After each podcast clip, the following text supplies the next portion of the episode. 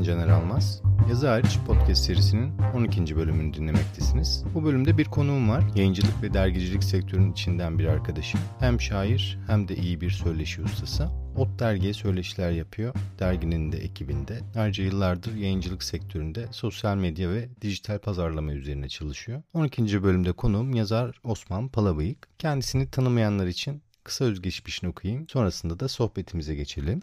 Adana'da doğdu. Kocaeli Üniversitesi Radyo, Televizyon ve Sinema bölümünden mezun oldu. Karantina dergiyi kurdu. Derginin kapanmasının ardından Ayı, İzdiham, Ot dergi başta olmak üzere birçok dergi, fanzin ve dijital yayında şiir ve söyleşileriyle yer aldı. 2016 yılından bu yana sosyal medya editörlüğü yapıyor. Yakın geçmişte Erteledikçe Büyüyen adında bir şiir kitabı ve Üç Kelimelik Dünya adında bir söyleşi kitabı yayınlandı. Eve dönme ihtimalini seviyor. Osman merhaba, hoş geldin. Hoş bulduk abi, merhabalar.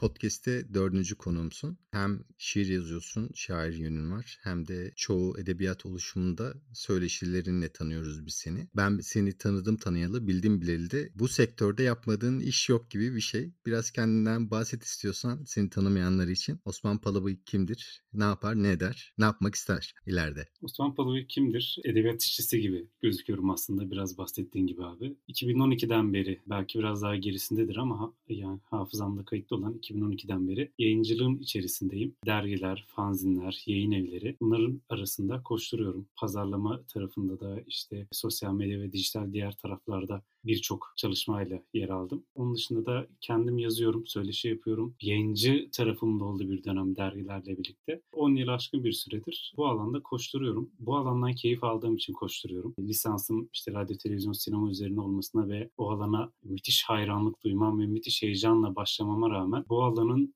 oradaki heyecanı bastırdığını ve buradakinin daha büyük olduğunu fark ettiğimden beri buradan ilerlemeye çalışıyorum. Ben dediğim gibi seni e, ilk karantina dergi vardı o zaman. Yanlış hatırlamıyorsam tarih 2013-2014. O zaman ilk yollarımız kesişmişti ve o derginin yolcu biraz kısa sürse bile benim hala aklımda yer bırakan güzel işler yapmışsınız. Oradan beri zaten tanışız, dostuz. Dergicilikten girdin, yayın evlerinde sosyal medya, dijital pazarlama, daha sonra kendi kitapların çıktı. Peki buradan şöyle bir soruya bağlayayım. İlk bu sektöre girdikten sonra ya da girmeden önce bunu sen söylersin. İlk yazmalıyım, ben de üretmeliyim deme noktasına nasıl geldin? bu his sende nasıl doğdu? Artık üretmeliyim deme noktasına nasıl vardın? Bunu liseye geçtiğim dönemde aslında özellikle yaz ayları birçoğumuzun işte oku, okuduğu zamanlarda daha çok boşluğun olduğu, daha çok okuyabildiği ya da okuma eylemine daha çok vakit ayırabildiği zamanlar. Benim de öyleydi. Liseye geçtiğim dönemde de yani zaten kafamı kurcalayan sürekli meseleler vardı. Fakat bu meseleleri sürekli e, ötelediğimi ya da zihnimin arka planlarına attığımı fark ettim. Bir şeyler karalıyordum ve e, bunları bırakıyordum, atıyordum çöpe, bir şeyler yapıyordum ya da bir daha bakmıyordum. Daha sonrasında bundan keyif aldığımı fark ettim lisenin ilk yıllarında ve daha fazla buna enerji harcamaya başladım. İşte okudukça daha fazla yazıyordum ya da bir şeyler işte gözlemledikçe, izledikçe, dinledikçe, e, yolculuklar yaptıkça daha fazla buna zaman ayırmaya başladığımı fark ettim. Tabii ilk zamanlar biraz daha bunu isteriz. Ne yazıyordun o zamanlar? Şiir mi, şiir, öykü müydü? Şiirdi. Şiir bırakmıyor peşimi. ya yine e, şiir yani o zamanlar tabii çok şiir denilemez. 3-5 mısralık şeylerdi. Belki de bazen kurcalıyordum, üzerinde uğraşıyordum, bazen şeyler yapmıyordum. Öyle bırakıyordum kalıyordu ama daha sonrasında dedim ki bunları kurcalamaya, üzerine düşmeye, bundan tam bir şey nasıl oluştururum? Kafamdaki de hep hala aynı mantıkta ilerliyorum. Bir hikaye anlatma bir e, mesele anlatma derdinin olmasıydı. O meseleyi anlatabiliyor muyum orada diye e, uğraşmaya başladım. Daha sonrasında da zaten lisede de edebiyat dergisi hayatıma girdi. Lisenin edebiyat dergisini hani daha çok fazla kitap okuduğum için ya da böyle ders aralığında boş derslerde sürekli kitap kurcalamamdan kaynaklı edebiyat hocalarının dikkatini çekmişti ve birkaç yıldır çıkmayan bir liste dergisi vardı. Dediler ki sen bunu çıkartırsın. Bu görevi hani sana veriyoruz. Yayıncılığa ilk adamın diyebilir miyiz? evet. Ya bir anda böyle şey gibi hani suya bırakırsın ve hadi yüz bakalım dersin yani küçük çocuğu. Tam öyle oldu. Hakikaten küçük çocuğu suya bıraktılar ve yüz bakalım dediler. Aslında temelden öğrenmeye başlamışız. Ağaç yaşken eğilir derler ya bizde. Lise sıralarında o senin damarlarına zerk edilmiş gibi biraz. Güzel olmuş aslında.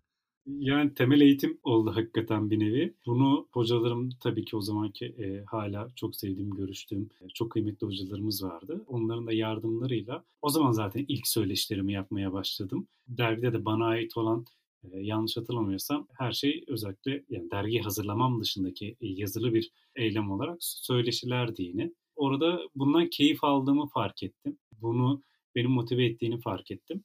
Ve daha sonraki senede de lise bitene kadar bu görevi yürüttüm. Bunun üzerine düştüm. Daha fazla ne yapabilirim, nasıl yapabilirim üzerine düştüm. Ve bu daha sonrasında zaten lise bittikten sonra da Karantina Dergi'ye, üniversitenin ilk yılı yayınlamaya başladım. Karantina Dergi'ye kadar gitti aslında. Sonrasında yazmaya başladıklarını kendi derginde yayınlamaya mı başladın? E, yok. Lisede yine e, ilk yani lise edebiyat dergisi yani lise dergisi dışında yayınlanan e, yine söyleşi yayınlamaya başlamıştım. O zamanlar yerel bir dergiydi yanlış hatırlamıyorsam Afyon'da çıkan bir dergiydi.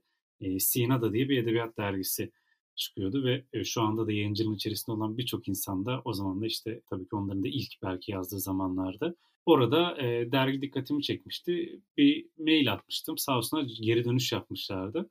Daha sonrasında e, iki ayda bir ya da üç ayda bir çıkan bir dergiydi. Orada e, 4-5 sayı böyle söyleşiler hazırladım. Bu tabii ki daha daha beni buna motive etti. O dönemde de yine şiirler yazıyordum. Daha uzun şiirler yazıyordum. Ve dergilere gönderiyordum. Tabii ki e, ya cevap gelmiyordu ya reddediliyordu. Hepimiz yaşadık bunları. Hepimizin yaşadığı, herkesin yaşayacağı da bir şey. Ve çok da öğretici bir şey. Yani ben kimi zaman insanlar kızabiliyor, buna üzülebiliyor. Elbette ki o yaşların verdiği şeyle üzüldüm ya da cevap alamamak bir miktar kırmıştı belki ama bu beni demoralize edip uzaklaştırmak yerine daha da yakınlaştırdı ve tamam okey bu hali olmadıysa hangi hali olacak ya da nasıl yazdığımda yayınlanacak ya da doğru yolu nasıl bulurum? Kendi dilimi, kendi hikayemi nasıl daha iyi bir şekilde aktarabilirim mi? Kurcalamaya başladım. İlk olarak da şiir e, yayınlanması bakımından Sahte Vefa'da fanzinde e, Yağız Gönder'in hazırladığı fanzinde. Ha, Yağız'ın çok sevdiğim. fanzini evet ben de çok evet, beğendim o çok, fanzini. Çok yani 13'ten geriye doğru başlayan ve sıfırda biten bir fanzindi. Evet çok ee, orijinal bu, bir işti. Yani orijinal bir işti. Çok keyif alıyordum bundan ve fanzin o zamanlar Türkiye'de biraz daha öne çıkmaya başlamıştı. Evet 2012-2013 yılları yanlış hatırlamıyorsam Türkiye'de fanzinin tekrardan böyle bir ayakları üzerine kalkıp ihtiyar bir delikanlı gibi kendini göstermeye başladı. Sonra kendinden çekilip hayatımızdan yavaş yavaş çıktığı zamanlarda hatırlıyorum. Evet, biz de bir fanzin hazırlamıştık. O zamanlar belki de dergiden daha çok beni heyecanlandıran bir şey diyebilirim. Çünkü sadece İstanbul'da gördüğüm, takip ettiğim ya da almaya çalıştığım veya notlarımın arasında aldığım 200'e yakın fanzin vardı. Bunun sadece Anadolu'da yayınlanan halleri vardı. Anadolu'da yayınlanıp İstanbul'a ulaştırılan işte yayını İzmir'de başlamış, Eskişehir'de başlamış, Ankara'da, Adana'da başlamış ve İstanbul'da da bir şekilde Mepisto'da bulabildiğimiz fanzinler vardı. Sağ olsun Mepisto'da fanzin cenneti olduğu için. Yani sırtımızda Büyük... hepimiz oraya dergi fanzini taşıdık. Mephisto'nun hepimizin e, hayatında özel bir yeri var yani sağ olsunlar gerçekten. Yani bu yoldan geçip de herhalde hakikaten sırtında Mephisto'ya fanzin ya da dergi taşımadım diyen yoktur diye tahmin ediyorum. Orada işte her fanzini kurcalıyordum, oturuyordum oranın önüne. Bakıyordum çünkü hakikaten çok orijinal fikirler vardı. Kapaklarıyla, içeriğiyle, başlığıyla, konusuyla, konseptiyle hani ilk orada yayınlandı. Daha sonrasında da oradan sonra açıldı. Ee, Birçok dergide hani işte Ayı girdi hayatımıza, İzdiham vardı. Yani İzdiham. karantinası vardı.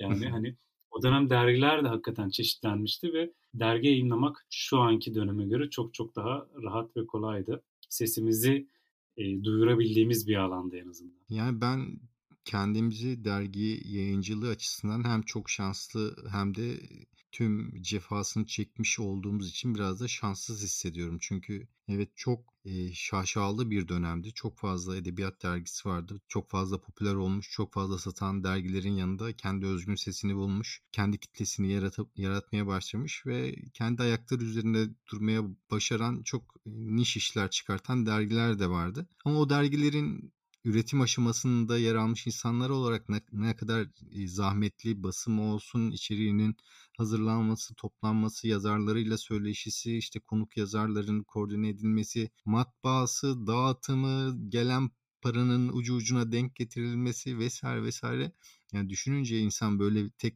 nefeste anlatıyorsun ama bir dergi rafa konulduğu an hemen bir sonraki sayının hazırlığının telaşı başlardı. Yani hepimiz ne kadar gençmişiz diye düşünüyorum ben şimdi. Ya şimdi de olsa uğraşmayız ki kimse şu an şartlardan dolayı hem maddi hem manevi. Çünkü herkes yaşayarak öğrendiği için manevi olarak da ne kadar yıpratıcı bir işi olduğu da ortada. Kimseye eltenmiyor o yüzden belki de biraz dergici. Hala devam edenler var ama artık o furya kalmadı yavaş yavaş. Ne diyorsun? Evet yani ben bir iki yıl öncesinde o örnekten başlayıp geriye doğru gideyim. Bir yayıncı, büyük bir yayıncı çok da güzel bir bütçeyle mesela bir teklif yaptı. Hani bir dergi yapma teklifi yaptı. Ee, işte telif verelim, tüm yazarları toplayalım gibisinden. Mesela hiç düşünmeden reddettiğim bir şey olmuştu. Çünkü dediğin gibi hepimiz bu işin içerisinden geliyoruz ve hepimiz küçük bir çocuk gibi bunu öğrene öğrene büyüdük. Kimse bize çocuklar şu şekilde yapın, çocuklar şuraya gidin, bunu alın, işte parayı şu şekilde toparlayabilirsiniz. Yani e, matbaayı şu şekilde halledersiniz, yazarlığı şu şekilde halledersiniz gibi kimse bizi yönlendirmedi. Kimse bize bunun eğitimini vermedi. Hepimiz birbirimizden belki bir şeyleri gördük. Düşe kalka. Öğrendik. düşe kalka, zarar ede ede, yanlışlar Cepten harca harcaya.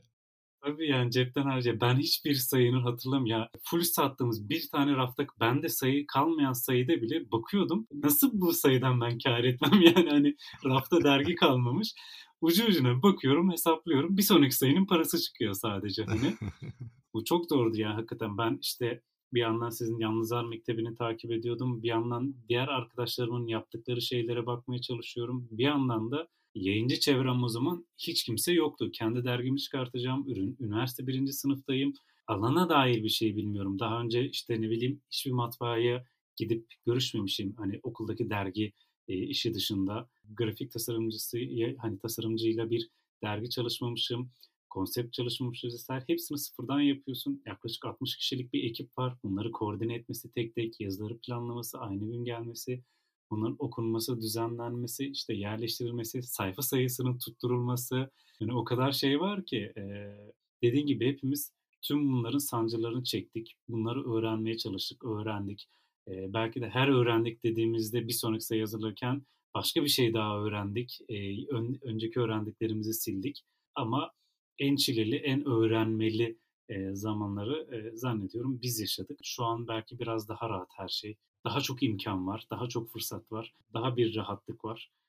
Yani şimdi daha fazla olanak da var. Yani herkes bugün evinde oturup bilgisayarın başında dijital formda bir hazır şablonlar üzerinden bir dergi yaratıp, yazı toplayıp yaratıp onu online mecralarda dağıtımını sağlayabilir yahut gazetelik gibi büyük dergi şeylerine koyabilir bir anda e, on binlerce insanın önüne düşürebilir. Ama bizim zamanımızda çok daha yeniydi ve her şeyi gerçekten yani nasıl anlatır? Şu an hesap makinesi varsa biz abaküste çalışarak yaptık yani. Yani şimdi bize yorucu geliyor böyle anlatınca çok yorulduk, çok yıprandık vesaire diyoruz ya. Bugün buralarda bu sohbetleri edebilmenin keyfi de başka şimdi. O günleri ne kadar yorucu olsa da güzel anıyoruz. Orada orada kazandığımız insanlarla hala görüşüyoruz. Etrafımızda bugün bir yere gelebilmiş insanların o dünya içerisinden çıkmış olması beni çok mutlu ediyor mesela. Bu güzel bir duygu bir yandan da.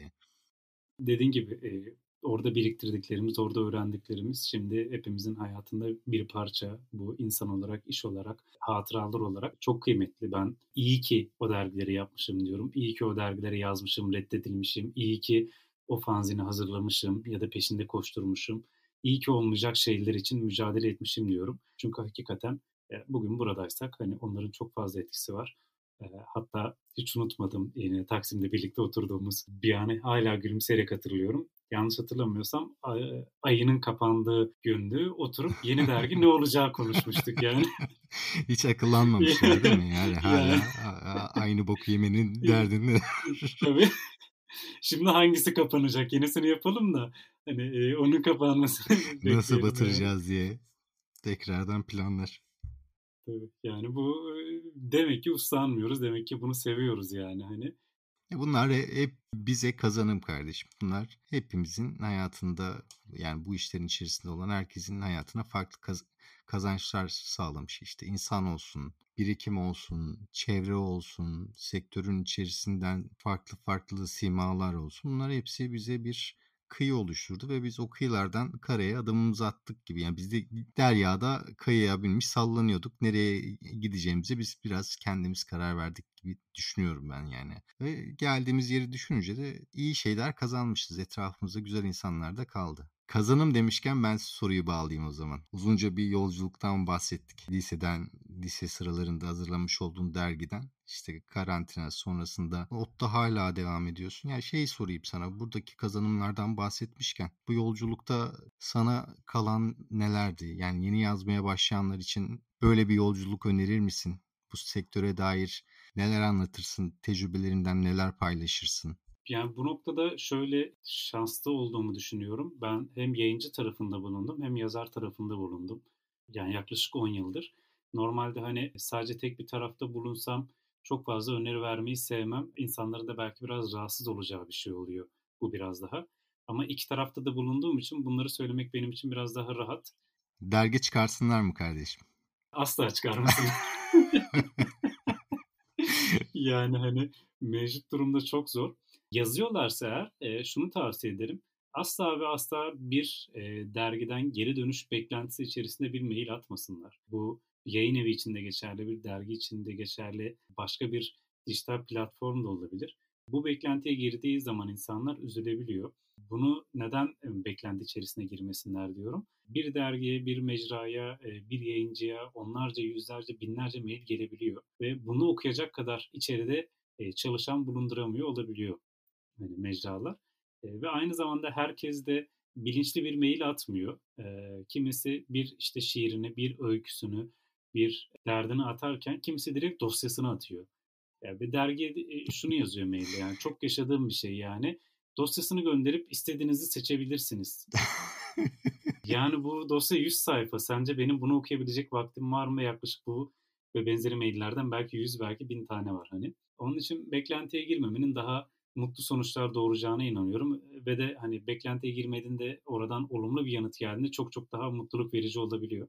Okuyarak e, ve yazarak daha daha üzerlerine düşmeleri gerektiğine inanıyorum. Bazen hani çalışmalarını gönderen e, arkadaşları oku, okuyup geri dönüşler sağlayıp e, hani öneriler yapmaya çalışıyorum. Ama çoğu daha başladığı gibi 3 ay, 5 ay, 6 aydır yazıyorken e, yayınlanmasını bekliyorlar. Bu pek tabii mümkün olmuyor. Birçoğumuz için mümkün olmadı. Evet hepimiz bu heyecanlara düştük belki de.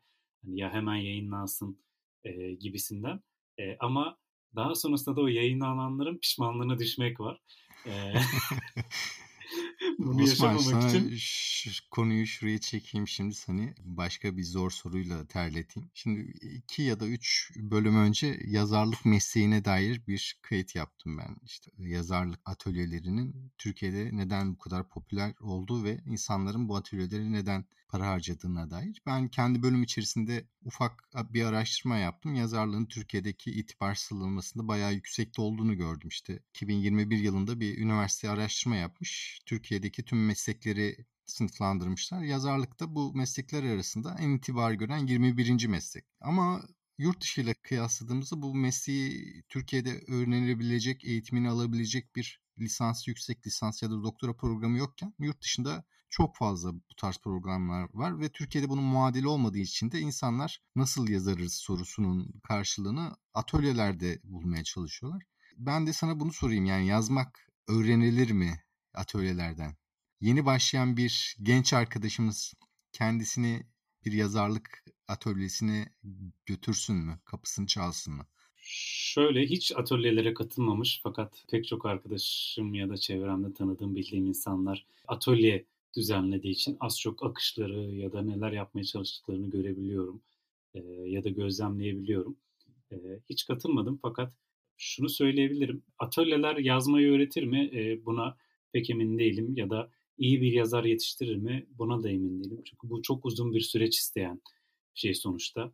Ama hangi alandan keyif aldığımızı ya da hangi alanda daha iyi bir sonuç alacağımızı e, gösterebilir diye ümit ediyorum ya da gösterebilir belki de. Çünkü pek çok insan yazmaya başladığında şu kararsızlığa düşüyor. İşte birçok insan ister istemez e, şiirle başlıyor ya da denemevari şeylerle başlıyor.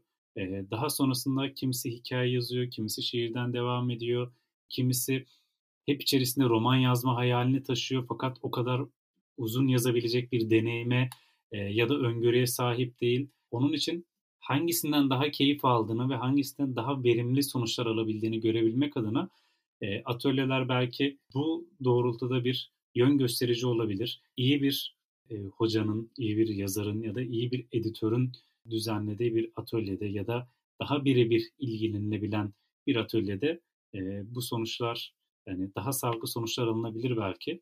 E, fakat çok fazla atölye var. İşte ve 30 kişilik, 40 kişilik gruplarla gidenler var. 5-10 kişilik gruplarla gidenler var.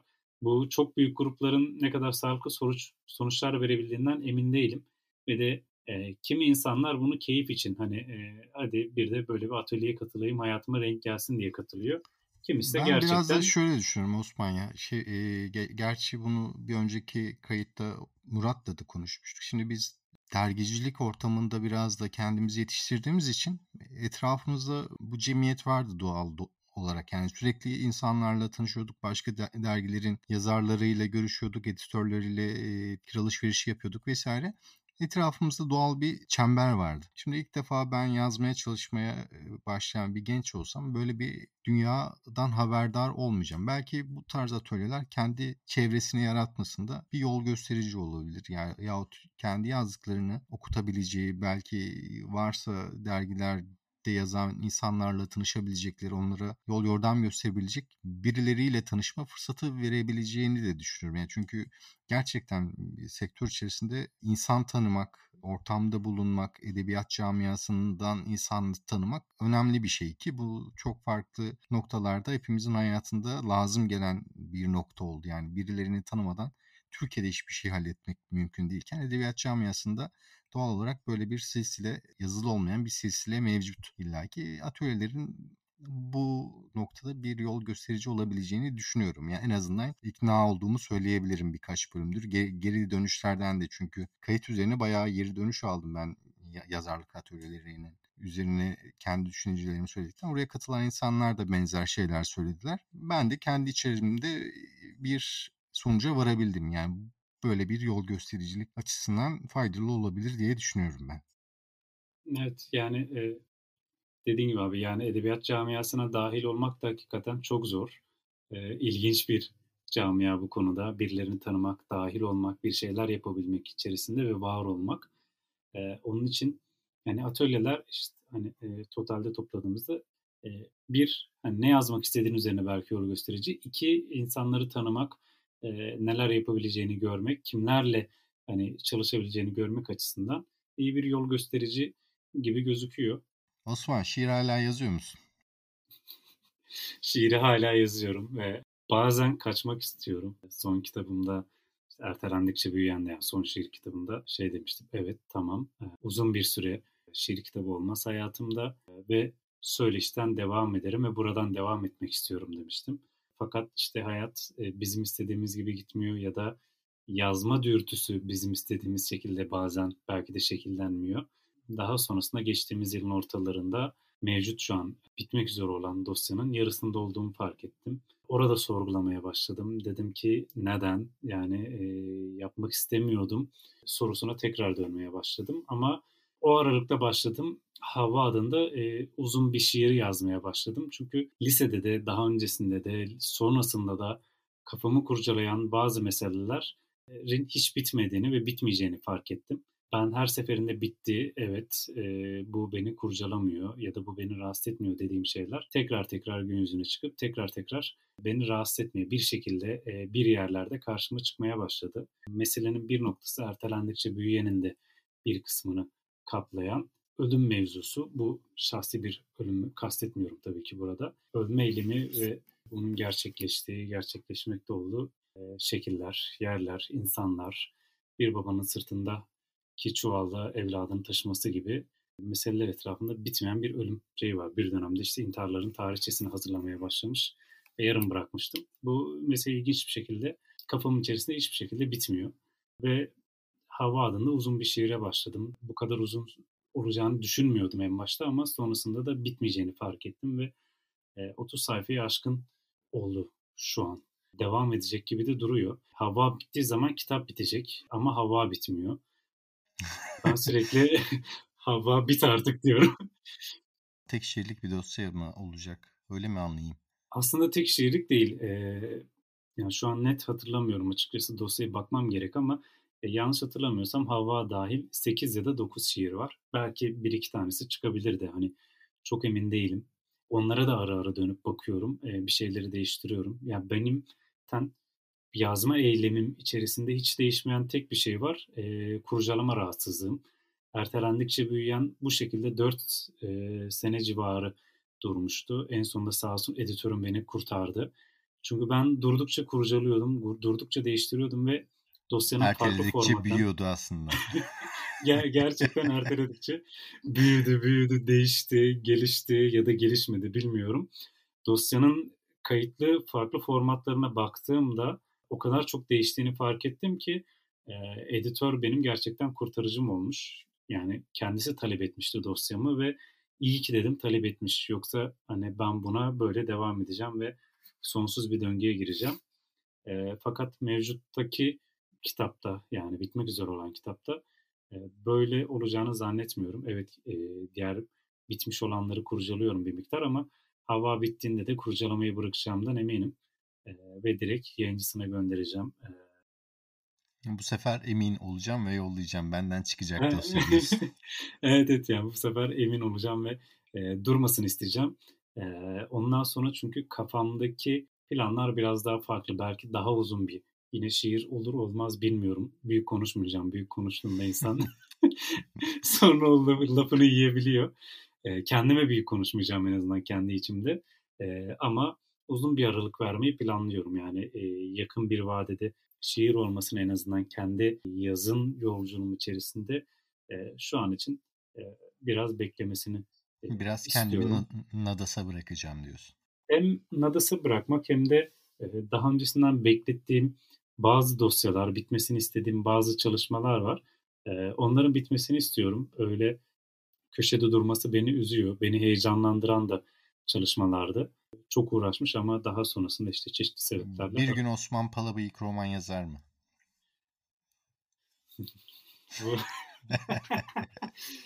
İsterim ya aslında bir e, çok çok eskiden böyle 6-7 yıl önce bir defa ya, böyle bir girişimim oldu yazdım. Bu ama şöyle bir şey değildi. Ben bir roman yazmalı ve yayınlansın Yarım değildi. kalan işlerden biri bu mu? E, değil çünkü bunu direkt bittiği gibi e, çöpe yolladım. e, çünkü şunun için ben kendim biliyorum ki buna dönüp bakacağım.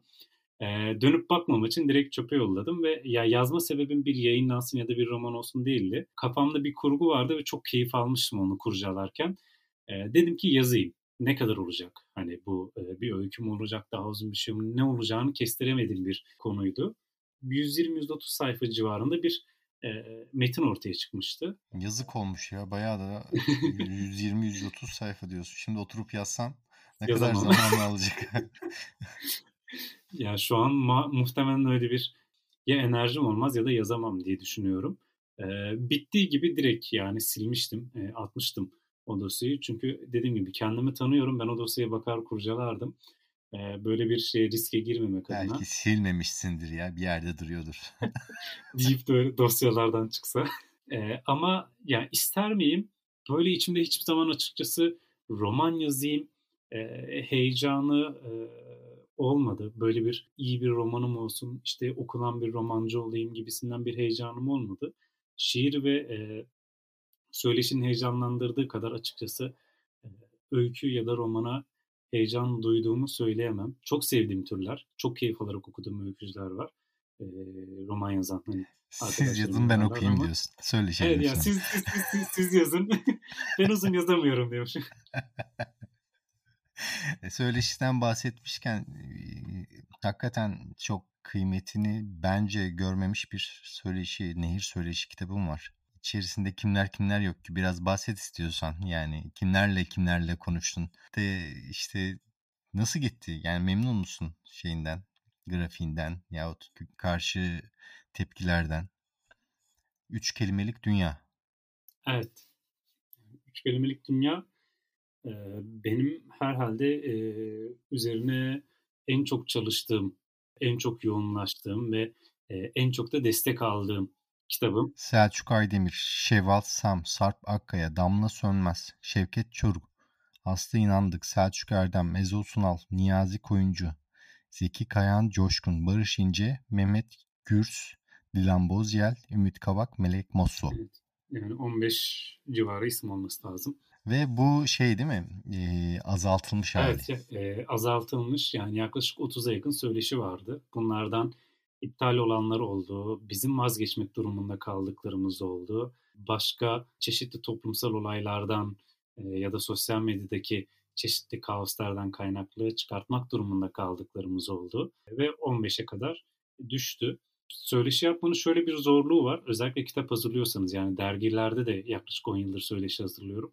Dergilerde hazırlamak tabii ki biraz daha rahat, kolay. E, alanınız var ve o ay okunacak bir şey hazırlıyorsunuz biraz daha. Belki hani o sayıyı elinde bulunduranlar tekrar tekrar bakıyordur ama kitap gibi her zaman ulaşılıp da her zaman bakılacak, kurcalanacak e, bir şey olmuyor dergilerdeki. Kitapta çok çok daha dikkatli olmanız ve söyleşi yaptığınız ismin işte kitaplarını okumanız, filmlerini izlemeniz, dizilerine bakmanız, albümlerini dinlemeniz, benzeşmemesi için önceki söyleşilerini okumanız, çalışmalarını takip etmeniz ve hayat akışında neler olmuş, neler bitmiş iyice bir kurcalamanız gerekiyor. Çok temel sorayım mı?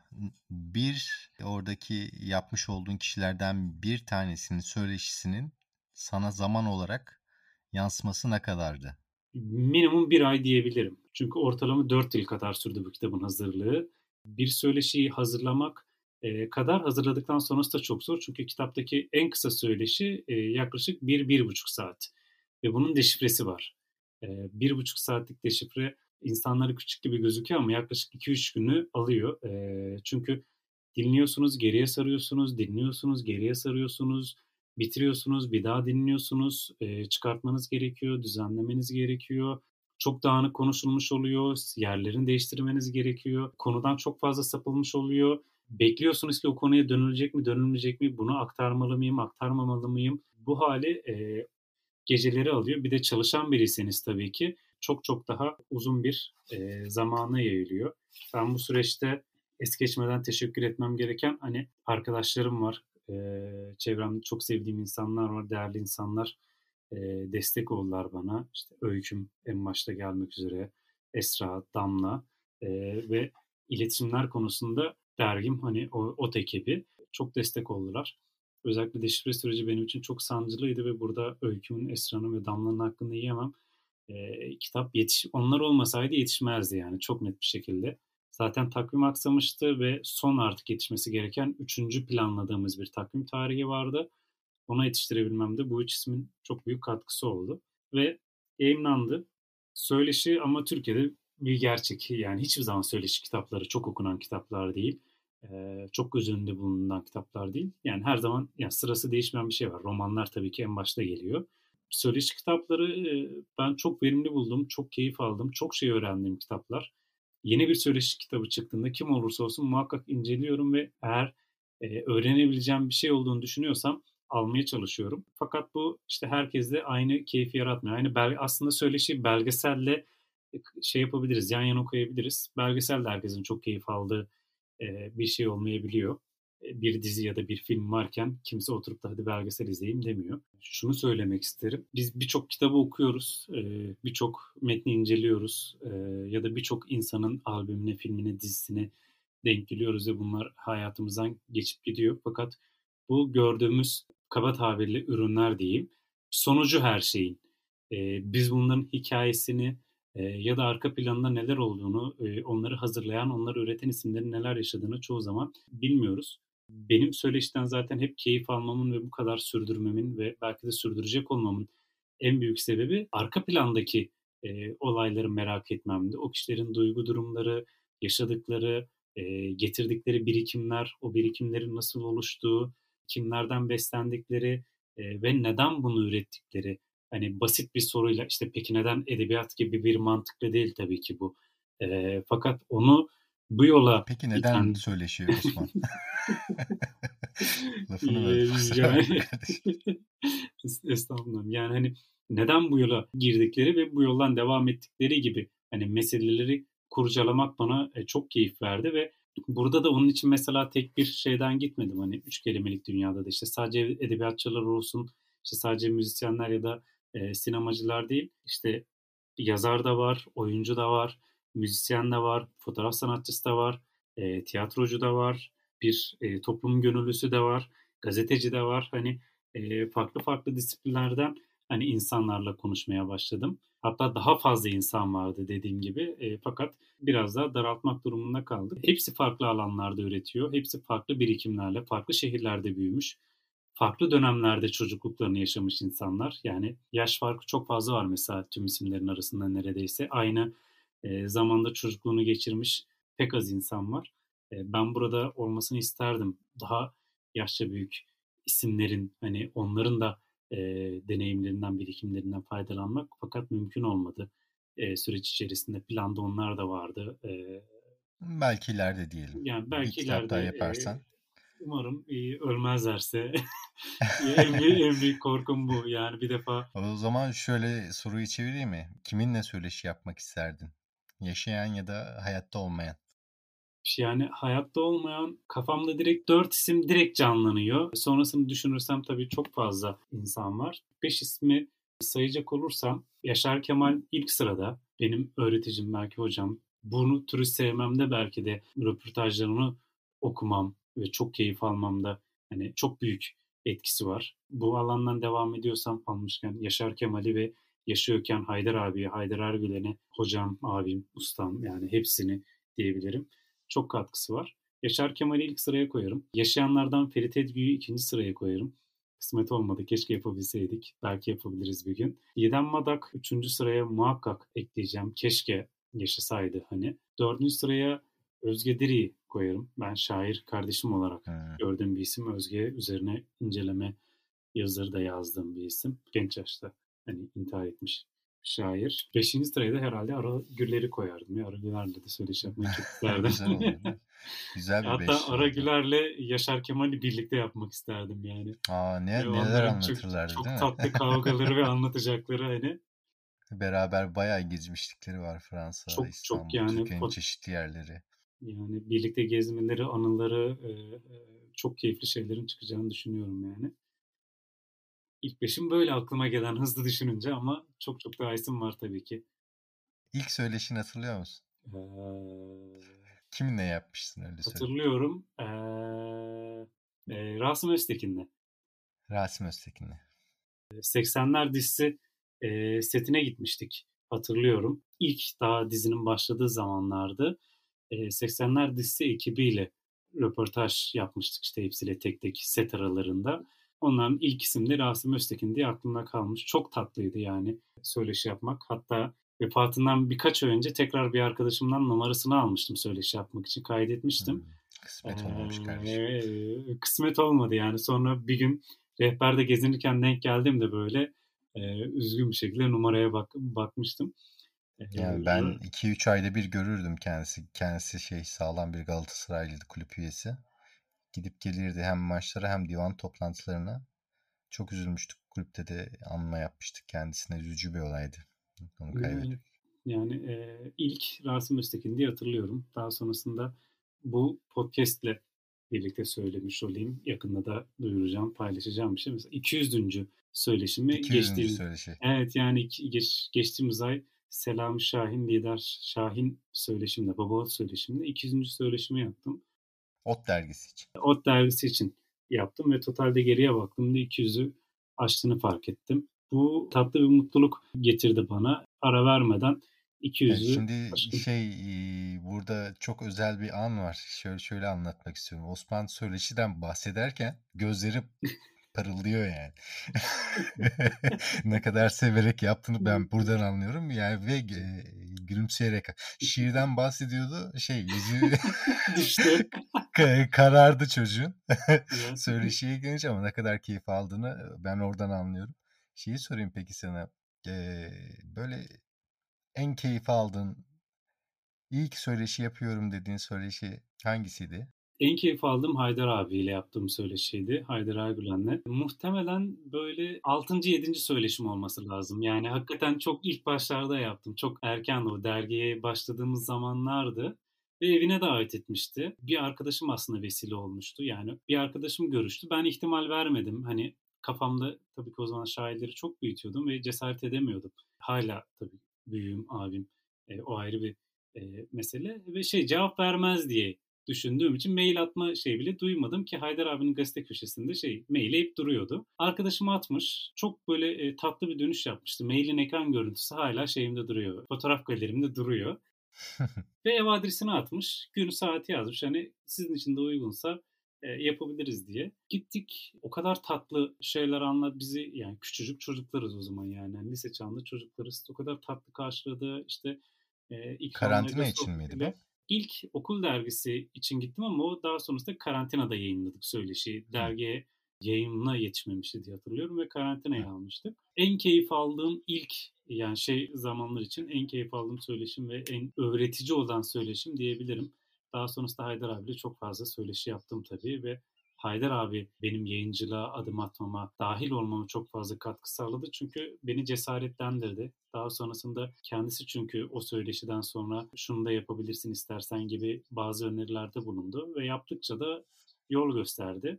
El vermiş oldu sana Tabii, bir nevi. yani el, el vermiş oldu ve ben bundan hakikaten keyif aldığımı e, o zaman daha bir fark ettim ve üzerine düşmeye başladım. E, 200'ün içerisinde çok keyif aldığım söyleşiler de oldu. Tabii ki pişman olduğum söyleşiler de oldu. Ee, bir tane ya... isim ver desem. çok var. bir bir Caner Almaz söyleşisi ya. bir Caner Almaz. Caner Almaz'la çok uzun zamandır söyleşi yapmıyoruz. Yaşamaklar için yapacağım. Ya, ya, yapıyoruz sayılır işte konuşuyoruz karşılıklı. Evet yani hani Canan Almaz söyleşi de çok keyif aldığım söyleşilerden de. En, en söyleşi yaparken en eğlenceli fotoğraflarımın olduğu söyleşi herhalde. Ee, Canan şey, söyleşi. değil mi? Beyoğlu, Alakarga. Ha, ofiste. Böyle yani 200'ü iyisiyle kötüsüyle doldurduğumu fark ettim ve e, tabii ki 200 bana şey gibi 30 yaş kararları gibi böyle yeni kararlar. Bir 200 daha yapar mısın? Bir 200 daha yaparım fakat bu kadar kısa sürede e, olmaz diye tahmin ediyorum. Çünkü kendim için yaptığım yeni bir planlama, bir yol haritası var bu konuda. Geciktirmemem, ertelememem gereken, ertelentiye büyüyen seviyesine getirmemem gereken söyleşiler için öncelikli mücadelemi e, biraz daha vereceğim bundan sonrası için. Onlar çünkü e, bazen hakikaten pişman oluyoruz. Çünkü ben bunu Yaşar Kemal'de yaşamıştım. Yaşar Kemal'le röportaj yapma fırsatı doğmuştu ve ben biraz utangaçlığımdan biraz da adamı o dönemde rahatsız etmemek adına birkaç ay sonra e, yapmak için kurgulamıştım. Vefat etti. E, ve o büyük bir pişmanlık olarak kaldı bende. İşte fırsatını bulunca yapacaksın. Tabii yani onun için artık biraz daha bu fırsatları değerlendirmeye çalışacağım ki bir şeyler daha dinlemek istiyorum o insanlardan. Dinlemek istediğim insanlar var diyorsun. Tabii var. Yani sürekli bu konuda zaten listeler yapıyorum, yeniliyorum, değiştiriyorum, ekliyorum, çıkarıyorum. Biraz daha buna ağırlık vereceğim gibi duruyor. Osman'cığım yazıyorsun, şiir yazıyorsun, söyleşiyorsun. Ama bunun haricinde de profesyonel olarak para hayatını, faturalarını ödediğin bir işin var. Yani bu yayıncılık sektörünün içerisinde farklı yayın evlerinde. Sosyal medyada da çalıştın, dijital pazarlamada da çalıştın. Bunlardan biraz bahsetmek istersen bunlar yayın evinin sosyal medyası nasıl yürütülür? Dijital pazarlama nedir? Yani ben sosyal medyayı hepimiz az çok anlıyoruz da dijital pazarlama nasıl yapılır? Bana benim anlayabileceğim bir şekilde anlatırsan dinleyenler de anlayacaktır. Şöyle yani yayın evlerinin bahsettiğim gibi yayın evi dergilerin basın PR, sosyal medya ve dijital pazarlama aslında hepsi totalde pazarlama yönüne bakan taraflarında bulundum mesleki olarak kazanç yönü olarak. Bu yönde sosyal medya da biraz bizim ülkemizde yanlış biliniyor. Dijital pazarlama da biz çıkarttığımız her ürünün çok değerli olduğunu, çok kıymetli olduğunu ve insanlar tarafından muhakkak takdir edilmesi gerektiğini ve çok öne çıkması gerektiğini düşünüyoruz. Elbette ki harcanan emeğin e, haddi hesabı yok. Elbette ki verilen emekler çok kıymetli. Bir sürü insan hazırlanan o eserler için çok fazla enerji sarf ediyor. Matbaacısından depocusuna, editöründen dizgicisine, e, yazarından işte okuyanına kadar hani. Fakat bu her eserin çok satacağı, çok okunacağı, çok talep göreceği ya da çok öne çıkabileceği anlamına gelmiyor. Genelde yayıncılarımız e, bunu çalıştığım firmalar üzerinde söylemiyorum. Birçok yayıncıyla da işbirliği yapmış ya da işlerinde bulmuş ya da ekiplerini tanıyan birisi olarak hani söylüyorum. Genelde her işin çok e, en önemli olduğunu, biricik olduğunu ve muhakkak çıktığı ay değer görmesi gerektiğini düşünüyoruz. Fakat tabii ki öyle olmuyor ve bu yanılgıya düştüğümüz için de belki birçok önemli eser gözden kaçıyor, kayboluyor ve çok çok daha sonrasında hatırlayıp ya keşke bunun için ayrı bir şey yapsaydık diyoruz. Burada şey öne çıkıyor. Aslında hepsine eşit değeri vermemeliyiz. Kimisi bir tık daha değerli, kimisi birkaç tık daha değerli ve onlara biraz daha enerjimizi vermek biraz daha onun hak ettiği değeri görmesini sağlıyor. Bu noktada dijital pazarlama tarafında ben yayın evlerinde işte matbu ve dijital ilanların, e, outdoor ilanların planlaması, programlanması, dijital mecralarda banner alanları, e, işte metin yazdırılabilecek yerlerde metin platformlarda nasıl yer alabiliriz vesaire gibi tüm reklam alan, alanlarını ve tanıtım mecralarını kullanmaya çalışıyorum ve bunlarla işbirliği, iletişim zaten en önemli kısmı iletişim. Çoğu şey iyi iletişimden geçiyor. Ee, insanlarla iyi, sağlam ve kaliteli iletişim kurduğunuzda birçok şey, birçok yol açılıyor aslında kitaplarınız için. Özellikle o mecraların seveceği türde ya da yayın yaptığı türde eserleriniz ve çalışmalarınız varsa biraz daha rahat ediyorsunuz. Tüm bu alanların ben koordinasyonu sağlıyorum mevcutta aslında. Nereler bir kitap türüne göre işte felsefe mi, psikoloji mi, edebiyat mı, işte edebiyatsa da öykü mü, şiir mi, roman mı, nerelerde daha... Aslında ilgisini çekebileceğini düşündüğün kitlelerin o kitaptan haberdar olması için çeşitli enstrümanları kullanıyorsun. Tabii yani tüm bu enstrümanların işte koordine edilmesi ve hangisi daha doğru olur türüne göre işte öykü, şiir, roman işte ya da dizi bazlı baktığımızda da felsefe, edebiyat işte psikoloji vesaire gibi hangi kitlenin ne zaman nerede nasıl ilgisini çeker bunun koordinasyonu sağlamak ve onların önüne düşürmek. Çünkü hani bazen deriz ya yaz romanları ya da işte kısa kısa okunacaklar işte uzun solukta bitecekler vesaire gibi. Yani bir kitap çıkar kışın çıkmıştır ama aslında şu yazın çok okunabilecek bir romandır. Kışın çok üzerine düşmezsin ama yaz geldiğinde o kadar çok üzerine düşersin ki o kitap 9 ay sonra satmaya başlar ya da 9 ay sonra okuyucuların ilgisini çekmeye başlar. Ya da birkaç yıl geçer birkaç yıl sonra farklı bir çalışmayla okuyucunun önüne düşürürsün. Bunu yaptığımız ve çok başarılı sonuçlar aldığımız çalıştığım çeşitli yerlerde kitaplar oldu. E, böyle olduğunda tabii ki çok mutlu hissediyorsun çünkü Mesela o kitap çıkmış 3 yıl geçmiş ve bir planlama e, çıkartıyorsun onun için ve o kitap bir anda her yerde gözükmeye başlıyor. Aslında kitaplık bazında eski bir kitap olmasına rağmen e, yeni bir kitapmış gibi herkesin elinde görüyorsun. Görünüyor kılıyorsun. Evet. Keyifli bir iş aslında. Yani bu çünkü bir yayıncılığa biraz romantik bakan bir toplumuz kitap çıkar ilgilisi alır okur ama bunun bir de endüstri olarak düşündüğümüzde nasıl bir işletme hem üretim hem e, reklam, pazarlama, marketing vesaire çeşitli bölüm, bölümleri ayrılıyorsa yayıncılıkta aslında Türkiye'de artık o noktada üretim noktası var. işte dağıtım noktası var ve bunun reklam, dijital yahut görsel reklam kısmı da var. Artık Türkiye'de de böyle şeylerin olması yavaş yavaş her mümkün aracın kullanılıyor olması bence güzel çünkü çok fazla kitap çıkıyor benim ilgimi çekecek yahut ilgimi çekebileceğini düşündüğüm kitapların takip etmek gerçekten zor yani. E, iyisi yahut kötüsü önemli değil. İnsan bir şekilde de haberdar olmak istiyor. Bence kıymetli bir iş yapıyorsun. Peki bundan sonrası için neler düşünüyorsun? Yazma çizmeyi e, bırakacağımı ya da bırakabileceğimi çok zannetmiyorum. Hani çok elzem bir durum olmazsa. E, çünkü hakikaten bundan aldığım keyfi hiçbir şeyden almadım yani. Hani üç kelimelik dünyada Zeki Kayan'la yaptığımız söyleşte Zeki Kayan şey diyordu yani radyoculuk uçarak yapılacak bir şey olsa ben onu uçarak yapardım. İşte ne bileyim yüzerek yapılacak olsa ben onu yüzerek yapardım. İşte şöyle yapılacaksa öyle yaparım. Çünkü ben bunu seviyorum diyordu. E, ben de hakikaten e, yazma eylemini seviyorum. Nasıl olursa olsun. Bu alandan çok kopmak istemiyorum. Bunun içinde de tabii ki söyleşiyi çok aşırı seviyorum.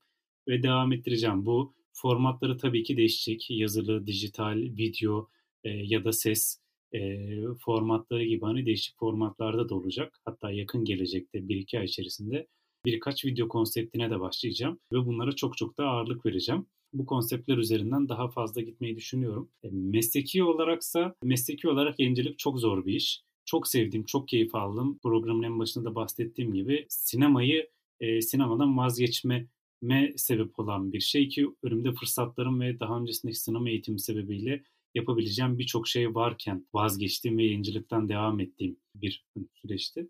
Ama çok yorucu. Çünkü her şeyden etkilenen bir yayıncılık var. Özellikle Türkiye'de. Ekonomiden etkileniyor, suların kesilmesinden etkileniyor, dolardan etkileniyor. Hani deprem oluyor etkileniyor ve e, üzgünüm e, tabii ki olmak zorunda değil ama insanların hiçbir zaman önceliği kitaplar değil e, ülkemizde e, ve işte bir klişe bir örnek ama bir kahveye 40 lira verebiliyorken bir kitaba 20 lira vermek fazla gelebiliyor ya da işte herhangi bir şeye zam geldiğinde bu kadar tepki gösterilmiyorken kitaplara gelen zam çok fazla tepki sebebi olabiliyor. Bu tarafta önceliklerimiz arasında değilken daha da gerilere düşmeye başladı artık. Tabii. Bu da Kitap. yayıncılık tarafını çok zorluyor. E, işin içerisinde olan insanlar olduğunuzda genelde hep kastetli bir hava oluyor ofislerde.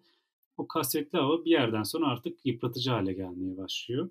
Evet hala heyecanım var e, fakat ne kadar daha sürebilir bunu kestiremiyorum. Ama sağlığım açısından uzun süreci süreceğini de zannetmiyorum. Onun için hani ileride yayıncı olarak devam edeceğimi ya da devam etmek istediğimi şu an düşünmüyorum. Evet bir süre daha devam edeceğim ama sonrası yok. Hmm, bir yerde bitecek benden bu kadar. Herkes evet. kendi yoluna. evet. Benden bu kadar. Ben kurtaramadım diyeceğim genç arkadaşlara bayrağı. Kendi ev, ev içerisindeki durumdan da biliyorum. Öyle oluyor yani. insanlar gerçekten bu sektör içerisinde yıpranıyorlar. Ya yıpranıp ve sağlıkları bozuluyor gerçekten. Yani yorucu ve yıpratıcı bir sektör gerçekten edebiyat. Yani e, yıpranan, bırakan, başka sektörlere geçen, şu an başka şehirlerde başka işlerle uğraşan arkadaşlarımla hala görüşüyoruz, konuşuyoruz. Yani insanların bıraktıktan sonra 3-5 yaş gençleştiğini görmem beni çok üzüyor. yani hakikaten psikolojilerin toparlamaları, gençleşmeleri ve daha mutlu olmaları hani keyif aldığım bir alanda çalışırken mutsuz olmak biraz üzücü tabii ki. E, dediğin gibi yıpratıcı da biraz. Ben bırakan arkadaşlarımı gördüğümde şey diyordum nasıl bırakıyorlar ya da böyle çok sert bir şekilde bırakıyorlardı.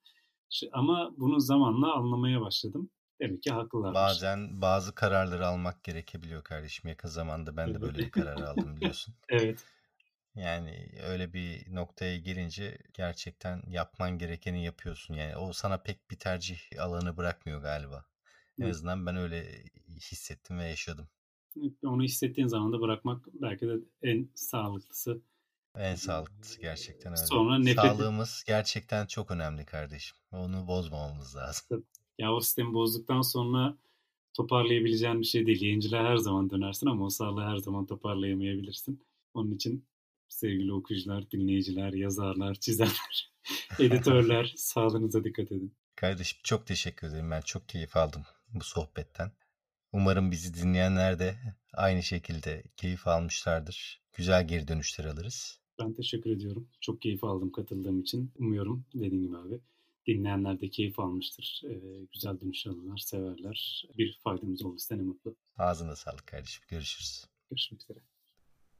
Bir bölümün daha sonuna geldik. Umarım sohbetimizi sevmişsinizdir. Bölüme dair görüş ve düşüncelerinizi sosyal medya hesaplarım üzerinden iletebilirsiniz. Ayrıca bölümü paylaşır ve sevdiklerinizin de haberdar olmasını sağlarsınız. Mutlu olurum. Dinlediğiniz için teşekkür ederim. Bir sonraki bölümde görüşmek dileğiyle. Hoşçakalın.